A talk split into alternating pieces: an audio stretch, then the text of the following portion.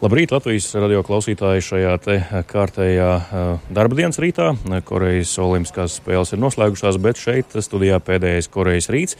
Esam redzami arī LSM.CLV un Latvijas radio.CLV un gan es, Mārtiņš Kļavinieks, gan mans kolēģis Kārlis Dagils arī kā katru rītu šorīt ir šeit un arī studijas viesis ir šorīt šeit. Tas ir Latvijas Olimpiskās komitejas prezidents Aldons Vrubļevskis. Labrīt! Labrīt! Jā, labrīt, Vrubļevska kungs! Un, protams, paldies jums par šīm spēlēm, par to, ka mums nebija jākaunās par mūsu sportistu sniegumu, bet punktu uz ir jāsaliek, un arī mēs esam mazliet pagatavojušies tādu apkopojumu. Arī šeit mēs varam redzēt tos mērķus, kas, ko mūsu sportisti ir izpildījuši vai nav izpildījuši, ko izvirzīja federācijas. Protams, mēs saprotam, ka tāds nopietns izvērtējums vēl tikai sekos, bet nu, šorīt gribētu tādu dzirdēt tādu pirmo uh, ieskatu, pirmo, uh, pirmos secinājumus un varbūt arī pirmās idejas, uh, ko mēs varētu sagaidīt nākotnē.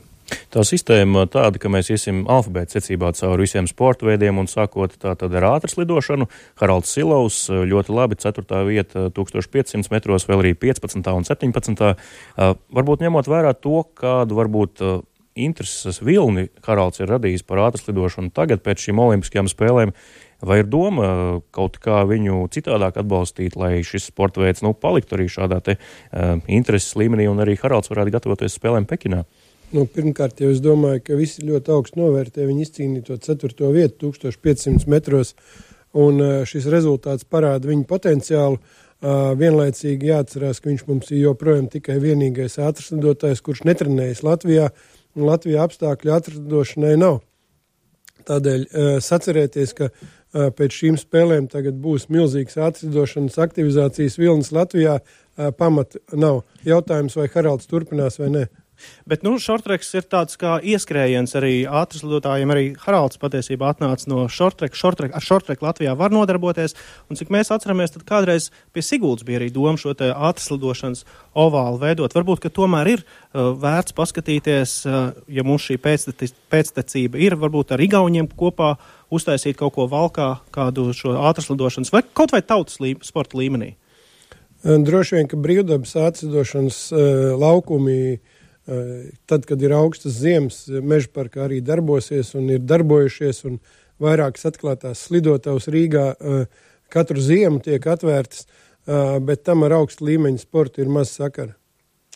Jā, nu, nākamais sporta veids - biatlons. Un, uh, mērķi, kurus izvirzīja federācija, sasniedza tikai, tikai viens no trim sportistiem, un tas bija cilvēks, kurš nu, patiesībā bija atstāts aiz borta Biatlona jaunatnes sistēmā, un, un tad pievērsās kalnu riteņbraukšanai, un, lai varētu uzturēt sevi, vispār strā, sāk strādāt par fizioterapeitu. Nu, tāds tiešām pelnrašķīts stāsts, bet pie reizes mūs pārsteidza nu, Baibas Bendiks ātrais slēpojums. Tas bija nu, salīdzinoši pat tādā pašā līmenī kā Andrijam Rastargūjevam, bet rezultātiem pietrūka precizitāte šautuvē un arī uh, vienā reizē arī slēpes. Vai šie rezultāti atspoguļo to, kas šobrīd notiek Latvijas biatlonā? Manuprāt, diezgan precīzi atspoguļo. Biatlonā notiek tāda faktiski paudžu maiņa komandā, un jautājums, vai pēc četriem gadiem vai pēc astoņiem gadiem mums būs biatlonisti, ko, kas, bu, kas varēs izcīnīt tiesības piedalīties Olimpiskajās spēlēs vai ne. Tas arī mans jautājums. Kā jūs domājat, vai ir attaisnojusies šī federācijas politika ilgu laiku likt visu kārti uz, uz, uz vienu? Protams, Andrei Rastargoja, viņam ir vislabākais finansējums, vis, vislabākie nodrošinātie resursi pieejamie. Baiba Bendika gal galā arī nu, pacēlās no tā top 90 uz top 30 gadu laikā, kad arī viņai lika, uz viņu lika uzsver, bet vai tā ir pareiza politika? Federācija lika uz abiem diviem un arī uz jaunatnes izlasi un uz tiem puišiem, kuri cīnījās par tiesībām, lai stafetes komanda brauktu uz Olimpiskajām spēlēm diezgan vienādi. Andreja to lielo priekšrocību vairāk piešķīra Sviks kompānijas atbalsts, kas viņam nodrošināja pilnībā tehnisko programmu, kas Bietlonā kļūst ar vien svarīgāk. Jā, bet tajā pašā laikā pietrūk, pietrūk arī nu, pāris servisu cilvēku. Mēs redzējām, ka Brīsīm bija jāskrien divi kilometri, lai, lai pie Bābijas Bendikas tra, trasē tiktu. Bet tas būs jautājums vienā citā, vienā citā punktā par bobsleju. Jā, tas būs uh, par kaut ko citu. Tātad uh, bobslējas, uh, nu tur ir iekšējā konkurence, ir infrastruktūra, tātad Siguldas uh, bobslēja un kamaniņa trase, arī startesti kādi. Arī paprāvas finansējums katru gadu, arī pirms šīm olimpiskajām spēlēm valdība pie, piešķīra papildus finansējumu jaunas uh, tehnikas iegādēji. Nu, ir arī medaļu gal galā, taču taustāms rezultāts. Mūs sauc par bobslēju lielvalstī, bet, ja piemēram, 2009. gadā, kā izglītības un zinātnes ministrija ir izteikusies, ka varētu noteikt šos prioritāros sporta veidus valstī vai bobsliem būtu jābūt to skaitā, jo gal galā ar to var nodarboties tikai no pilngadības. Nu, tu nevari izveidot jauniešu sistēmu šim sporta veidam. Uh, valdība jau kopš 2016. gada pēc Rio spēlēm uh, noteica prioritāri atbalstāmos ziemas sporta veidus, un tie ir bobslēs, skeletons, kamaniņas un biatlons. Uh, tie sporta veidi, kuros iepriekšējās Olimpiskajās spēlēs bija labākie rezultāti. Un es domāju, ka šī prioritārā atbalsta līmenis ir bijis pietiekams, lai sekmīgi sagatavotos un startētu arī šajās spēlēs. Uh, domāju, ka šie sporta veidi arī turpmāk paliks starp atbalstāmajiem no valsts puses. Jā, nu grafikā mēs arī varam redzēt, ka šie, šī tendence ir pozitīva, lai gan nu, tās, tas medaļas spīdīgums nav varbūt tik spožs kā, kā Sočos, tomēr tā tendence abas ekipāžas ir ļoti konkurētspējīgas, bet runājot vēl par bobsleju un zinot, ka bobslejā var braukt no pilngadības un šis prioritā, prioritārais ziemas sporta veids, vai to nevajadzētu tomēr likt arī komplektā ar, ar vieglatlētiku, proti, nu, mēs zinām, ka bobslēgs pārsvarā nāk tieši no skrejceļa, kur viņi var uzstādīt ātrus rezultātus, un tur to komplektā mēģināt attīstīt tādā vienā, vienā faktūrā. Kā jūs to redzat? Nu, es domāju, ka tāda vienota attīstības sistēma, sākot no junioriem un apvienojot dažādu sporta veidu pūles, eh, tieši ar mērķi, lai būtu laba bobslēgs, tāda nebūs. Eh, turpināsies droši vien tāda pati sistēma, kā ir bijusi līdz šim. Uh, kad uh, brīvprātīgi piesakās iespējamie bobslējā stūmēji un piloti, un no tiem, kuri ir spējīgi fiziski izpildīt to minimālo programmu, uh, jau tiek uh, selekcionēti bobslējisti uh, gan kā piloti, gan kā stūmēji. Mēs redzam, ka bobslējas atšķirībā no citiem ziemas veidiem ir sporta veids, kur faktiski piemēram, stūmējs vienā, divos gados, vienā, divās sezonās, atnākot no sprinteriem, piemēram, vieglietikā, var kļūt par izcilu vai par olimpisko medaļnieku bobslijā, bet tas nevar notikt ar pilotiem vai skeletonā vai kamaniņās. Bet vai nebūtu jādomā par eh, nu, to Latvijas izkaisīto resursu apvienošanu zem, eh, zem mūsu karoga? Nu, tur, piemēram, Jānis Miņins tagad strādā ar polijas izlasi, ir vēl daudz Latvijas speciālistu, kuri palīdz citām valstīm apvienot viņus vienā, mm, tātad Latvijas komandā un tiekties uz zelta Olimpiskajās spēlēs. Par to mēs diezgan daudz esam runājuši pirms 20 gadiem, kad beidza savus sporta gaitas Prūsis, Krastīņš, Čipurs, Ekmanis. Teica, nu saliksim visus četrus vienā komandā, un tagad Latvija būs labākā pasaulē. Diemžēl saliekot ļoti izcilas personības vienā komandā, nevienmēr tiek iegūts tas pozitīvais rezultāts. Un, piemēram, šajā gadījumā eh, es domāju, ja eh, kāds būtu mēģinājis prūsi ietekmēt lēmumu pieņemšanā par, eh, kam, par bobsleju divnieku sastāvu startam Olimpiskajās spēlēs, es nezinu, vai mēs runātu par medaļu vai, vai par bronzas medaļu. Jābūt ir vecākiem trenerim tiesībām pieņemt lēmumus. Viņš vislabāk viņus zina, pazīst un saprot, ko viņš grib. Daislidošanu arī pēc alfabēta secības ejam tālāk. Ir labi, ka esam atgriezušies Olimpiskajā at apritē. Atgādināšu, 94. gadā mūsējie pēdējo reizi tur startēja. Šoreiz rezultāti 19. un 26. vieta varbūt nav spīdoši, nav varbūt arī peļami, bet um, kā ir ar daislidošanu Latvijā? Mums ir it kā treneri, mums ir it kā infrastruktūra, taču esam dzirdējuši, ka ir tā problēma nu, pārējā no junioriem uz pieaugušajiem. Ne visi nu, grib, ne visi tā kā var. Uh, Varbūt tā motivācija nav tik liela. Kāds ceļš būtu ejams eh, Latvijas daislidošanai, nu, lai mēs varētu nu, skatīties uz to kā tādu sistēmisku sporta veidu, nevis tādu, kur, teiksim, mūsu šis te Denis Sasiļevs, uh, nu, piemēram, vāc ziedojums, lai varētu trenēties? Nu, tik traki nav. Uh, atbalsts uh, tajā līmenī tiek sniegts pietiekams, bet es domāju, ka turpmākais ceļš ir līdzīgs tam, kā tagad iet Diana un Denis, ārzemju treneri. Uh, Eh, laba eh, komanda, kvalitatīvi speciālisti.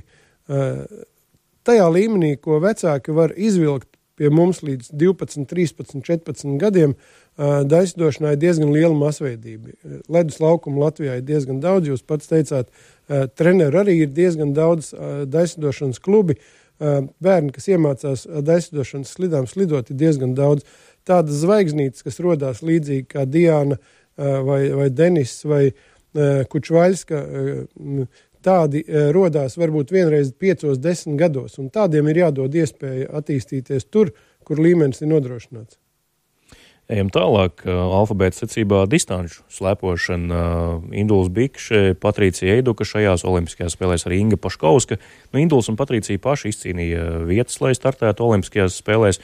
Um, izvirzīja mērķus, kurus arī attaisnoja un izpildīja tos, ko paši vēlējās sasniegt Olimpiskajās spēlēs. Bet nu, tas nebija ne desmitnieks, ne trīsdesmitnieks, ko viņi uh, no sevis uh, gribēja redzēt Olimpiskajās spēlēs. Bet varbūt tieši uz to arī jātiecās, apvienojot varbūt spēkus eh, Baltijas valstu līmenī un eh, tādējādi izveidojot kaut kādu distanču slēpošanas spēku Baltijā. Nu, apvienot dažādu valstu spēkus, lai sasniegtu augstāku līmeni, tā ir laba ideja, bet diez vai viņi var nostrādāt, jo viens otram konkurents labprātīgi nesagatavo. Mēs varam vienīgi piesaistīties Igauņu slēpošanas sistēmai, Eh, kuri mēģina eh, atjaunot savas slēpošanas tradīcijas, kādas tās bija pirms 10, 12, 15 gadiem. Un eh, varbūt ar jauno vērpalu paudzi arī tas izdosies. Taču, protams, tas parāda vēl kārtējo reizi, ka paudžu maiņa ir neizbēgama lieta. Un tas, ka vienas Olimpiskās spēles Saltlake Cityā, pēc tam Turīnā, pēc tam vēlreiz Igauniem ir panākumi un medaļas, tas negarantē, ka tādi būs mūžīgi. Tieši tas pats, kas ar mūsu BMX riteņbraukšanu vai ar šķēpmešanu. Mēs skatāmies vēsturē, tad šķēpmetēji no Latvijas kļuva par olimpiskiem čempioniem ar intervālu 12 gadu. Jā. Ļoti līdzīga situācija patiesībā, nu, varbūt ne tik līdzīga, bet arī kalnu slēpošana. Ikā ir pieklājīgi rezultāti. Redzam arī 35, 26, 43, 37 vietas. Nu, mēs neesam, protams, kalnu lielvalsts, un mums nav arī tādu stipru tradīciju, un šī ir vienīgā disciplīna Latvijas šajās spēlēs, kur sportists nesasniedz finišu, bet citās olimpiādēs tādu gadījumu ir krietni vairāk. Un līdzīgi kā ātraslidošanā, šeit sportisti trenējas ārpusē un šobrīd turas, nu, vai, teiksim tā, uz vienas ģimenes uh, entuziasmu pamata. Vai šeit ir kāds valstisks plāns vajadzīgs? Jūs jau pats pieminējāt, uh, Latvijā nav kalnu zeme, un šeit nekad nevarēs izaudzināt augstu līmeņu kalnu slēpotājus, dzīvojot un trenējoties tikai Latvijā. Un mums arī tādu speciālistu Latvijā nav. Uh, tās zvaigznītes, tās uh, tie cilvēki, līdzīgi kā daisnošanā, ko ģimene var izvilkt līdz tam jauniešu junioru vecumam, un ja viņus pamana kāda uh, starptautiska kompānija vai komanda, kuri ir gatavi atbalstīt, vai arī viņi tiek iekļauti starptautisko federāciju attiecīgā līmeņa sagatavošanas komandās, um, tad viņiem ir iespēja uh, izaugsmai. Un uh, šai gadījumā jūs minējāt ģimeni, zvejnieku ģimeni, Jā, ir vairāk brāļi, zvejnieki, kas slēpo diezgan augstā līmenī, kalnu slēpošanā, bet diezgan augstā līmenī salīdzinoši ar to, kā latvieši slēpojuši agrāk vai iepriekš. Tajā pat laikā viņi nav līderi pulkā ne pasaules kausā, ne pasaules čempionātos. Nu, bez piecām minūtēm viņi ieslēpoja tajā 30. un 20. Jā, un, un priecē tas, ka šajā olimpiskajā ciklā no Sočiem līdz, līdz uh, Korejai uh, Eh, Kristaps Zvejnieks ir ticis līdz eh, pasaules kausam, pie, līdz finišam pasaules kausa etapā, un tas liecina, ka kopējais līmenis aug. Ejam tālāk. Eh, kamaniņu sports. Tur mums laikam ir jāievelk elpa un jānopūšas, jo arī, kā jau minējām, daļai par bobsleju gan ir trase, gan visi apstākļi nodrošināti, arī valsts finansējums piešķirts. Prioritāri atbalstāms sporta veids, kā jau jūs pieminējāt no valsts puses. Nu, gaidījām gan jau medaļas, to nav. Sešnieks bija vismaz stafetē. Vai ir spērts solis? Stafetē un divniekos. Stafetē un divniekos, jā. jā. Vai ir spērts solis atpakaļ? Vai nē. tomēr nē? Pēc grafika var redzēt, ka tomēr ir. Es domāju, ka solis spērts ir uz priekšu tieši tajā ziņā, ka ir notikusi faktiski paudžu maiņa. Gan vīriešu, gan sieviešu ekipāžas ir uh, faktiski konkurencē ir eh, lī, par līderiem kļuvuši jaunie eh, sportisti. Arī treneru korpusā ir paudžu maiņa, kas par Dūmus ienācis. Jā. jā, ienācis, bet kas to zina, kā tas turpināsies, bet jebkurā gadījumā sportistu sastāvu ziņā ir paudžu maiņa, un jaunie sportisti Ulla Zirne un Kristers Aparjots stabili startējot arī stafetes komandā, izcīnot kopā sesto vietu ar brāļiem Šiciem, parādīja, ka viņi ir kļuvuši komandas līderiem un ar skatu nākotnē. Skeletons. Tur arī viss it kā bija. 4, 5, 7 vieta. Tās visas ir ļoti augstas vietas, tie, tie pirmie desmitnieki, uz kuriem mēs arī tiecamies. Bet, uh, uz kā mēs norakstam šo medaļu trūkumu? Uz šoreiz uz cilvēcisku faktoru vai arī šeit tomēr ir nepieciešama tāda dziļāka analīze un, un idejas, piemēram, nu, nopirkt tās pie iespējas tās bromlīs lidas, kas ir vajadzīgas? Nu, šoreiz uh, jautājums nebija īstenībā slidās, uh, bet galvā. Šis ir atgādinājums, ka arī augsta līmeņa, arī pieckārtais pasaules čempions ir tikai cilvēks. Tā bija cilvēciska kļūda, kuru šobrīd racionāli nevarēs izskaidrot neviens profesionāls, bet no tādām nevar izbeigt. Žēl, ka tas notika Olimpiskajās spēlēs. Bet nu, mēs tomēr varam teikt, ka Latvijas skeletons balstās uz dukuru ģimenes entuziasmu un vēlmi tajā būt. Kas notiks, ja Dainis, Tomas un Martins pateiks, nē, mēs vairs negribam ar skeletonu nodarboties? Uh, skeletonā ir diezgan labi jaunieši juniori. Mēs sekmīgi startējām 16. gadā uh, Pasaules jaunatnes ziemas olimpiskajās spēlēs Lillehammerē. Divas ceturtās, viena piektā vieta. Netlaus ir uzvarējis pa pasaules kausu junioriem šajā gadā kopvērtējumā. Uh, Ivo ir iebraucis vairākas reizes piedestālos, arī Eiropas kausos. Tā kā nevajag mest plinti krūmos, un mums ir laba treneru komanda. Mezencevs ar Hipaus Dukuri nekur ar savu padomu nepaliks. Tās komandas, kas sagatavotas, nekur nepaliks. Un, protams, ka tā vēlme būt pasaules līderos arī nepazudīs. Ejam tālāk, jā. Nu, tā tad šortreks ir nākamais sporta veids pēc alfabēta pēdējais no visiem. Jā, nu, daudziem pietiekami patīkams, arī televīzijā skatāms, dinamisks, pavērsieniem bagāts. Ir mums viena desmitā vieta šajās olimpiskajās spēlēs Robertam Jānim Zvejniekam. Treneris Evita Krievāna ir noskaņota karavīgi par nākotni, bet kādu atbalstu viņi var sagaidīt no valsts? Es domāju, ka pēc tiem rezultātiem, ko uzrādīja šortrekisti šajā sezonā, tas ir divus gadus pēc tam, kad tika iedarbināta šī akadēmijas sistēma un izcīnīta 10, 2, 11, 15 vieta šortrekā, kas ir nebijuši rezultāti šajā sporta veidā. Atbalsts būs lielāks kā līdz šim, taču nevajag arī cerēt, ka tas būs milzīgs, teiksim, tāds pats kā bobslijā vai skeletonā. Uh, Kāpēc bet, nē? Kāpēc nē? Tieši tāpēc, ka šie finanšu līdzekļi tiek sadalīti atbilstoši kritērijiem, un kritēriji nosaka apjomu attiecībā no sportiskajiem rezultātiem. Bet šeit tie rezultāti ir augsti - 11, 2 vietas un 15 vieta. Nu, būtībā tas ir augstāk nekā brauca mūsu kamriņu braucēji. Uh, divas sestās vietas kamriņu braukšanā. Tomēr ir vidēji uz visiem tiem sportistiem. Nu, pa vidēju runājot, jā. Uh, domāju, ka Tas jautājums tiks lemts atkarībā no tā, kā Latvijas slidošanas asociācija pieies savu sporta veidu izvērtējumam. Pirms spēlēm nebija vienprātības par to, kā šortreka komandai vajadzētu piedalīties. Arī spēļu laikā bija dažādas iekšējas kolīzijas komandā, tā kā jāskatās, ko federācija lems. Un, protams, atbilstoši kritērijiem viņi saņems attiecīgo finansējumu, lai varētu turpināt uh, arī Startautiskā olimpiskā solidaritāte turpinās palīdzēt, lai varētu šī komanda gatavoties. Un es ceru ieraudzīt Latvijas stafetes komandu Pekinā 22. gadā. Par uh, to, kas notika Pjončānā, vēl pavisam īsi varam parunāt uh, ārpus visiem sporta veidiem, vai uh, sportistiem tur uz vietas bija nodrošināts vislabākais, lai viņi sasniegtu maksimāli labāko rezultātu. Jūs pieminējāt, tur, ka nav tās problēmas galvā, un, un šeit skatoties arī uz Andreju Rastargūjevu, un varbūt arī uz Oskaru Melbārdu, šī varbūt nestabilitāte visos, visos braucienos, kur būtu izčākstē tā medaļa. Nebija mums vajadzīgi papildus sporta psihologi, piemēram?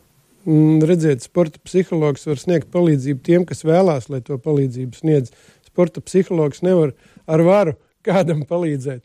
Un es domāju, ka komandā atmosfēra bija laba un normāla, un šīs atsevišķās cilvēciskās kļūdiņas uh, tās, kā jau es teicu, kārtījos pierādīja to, ka visi ir tikai cilvēki. Arī šie dzelzceļa sveči ir tikai cilvēki. Un, un jūs redzējāt, tad, kad ir kaut kas, tad viņi pat raud un, un atzīst savas vainas. Viņiem ir kauns par savām kļūdām.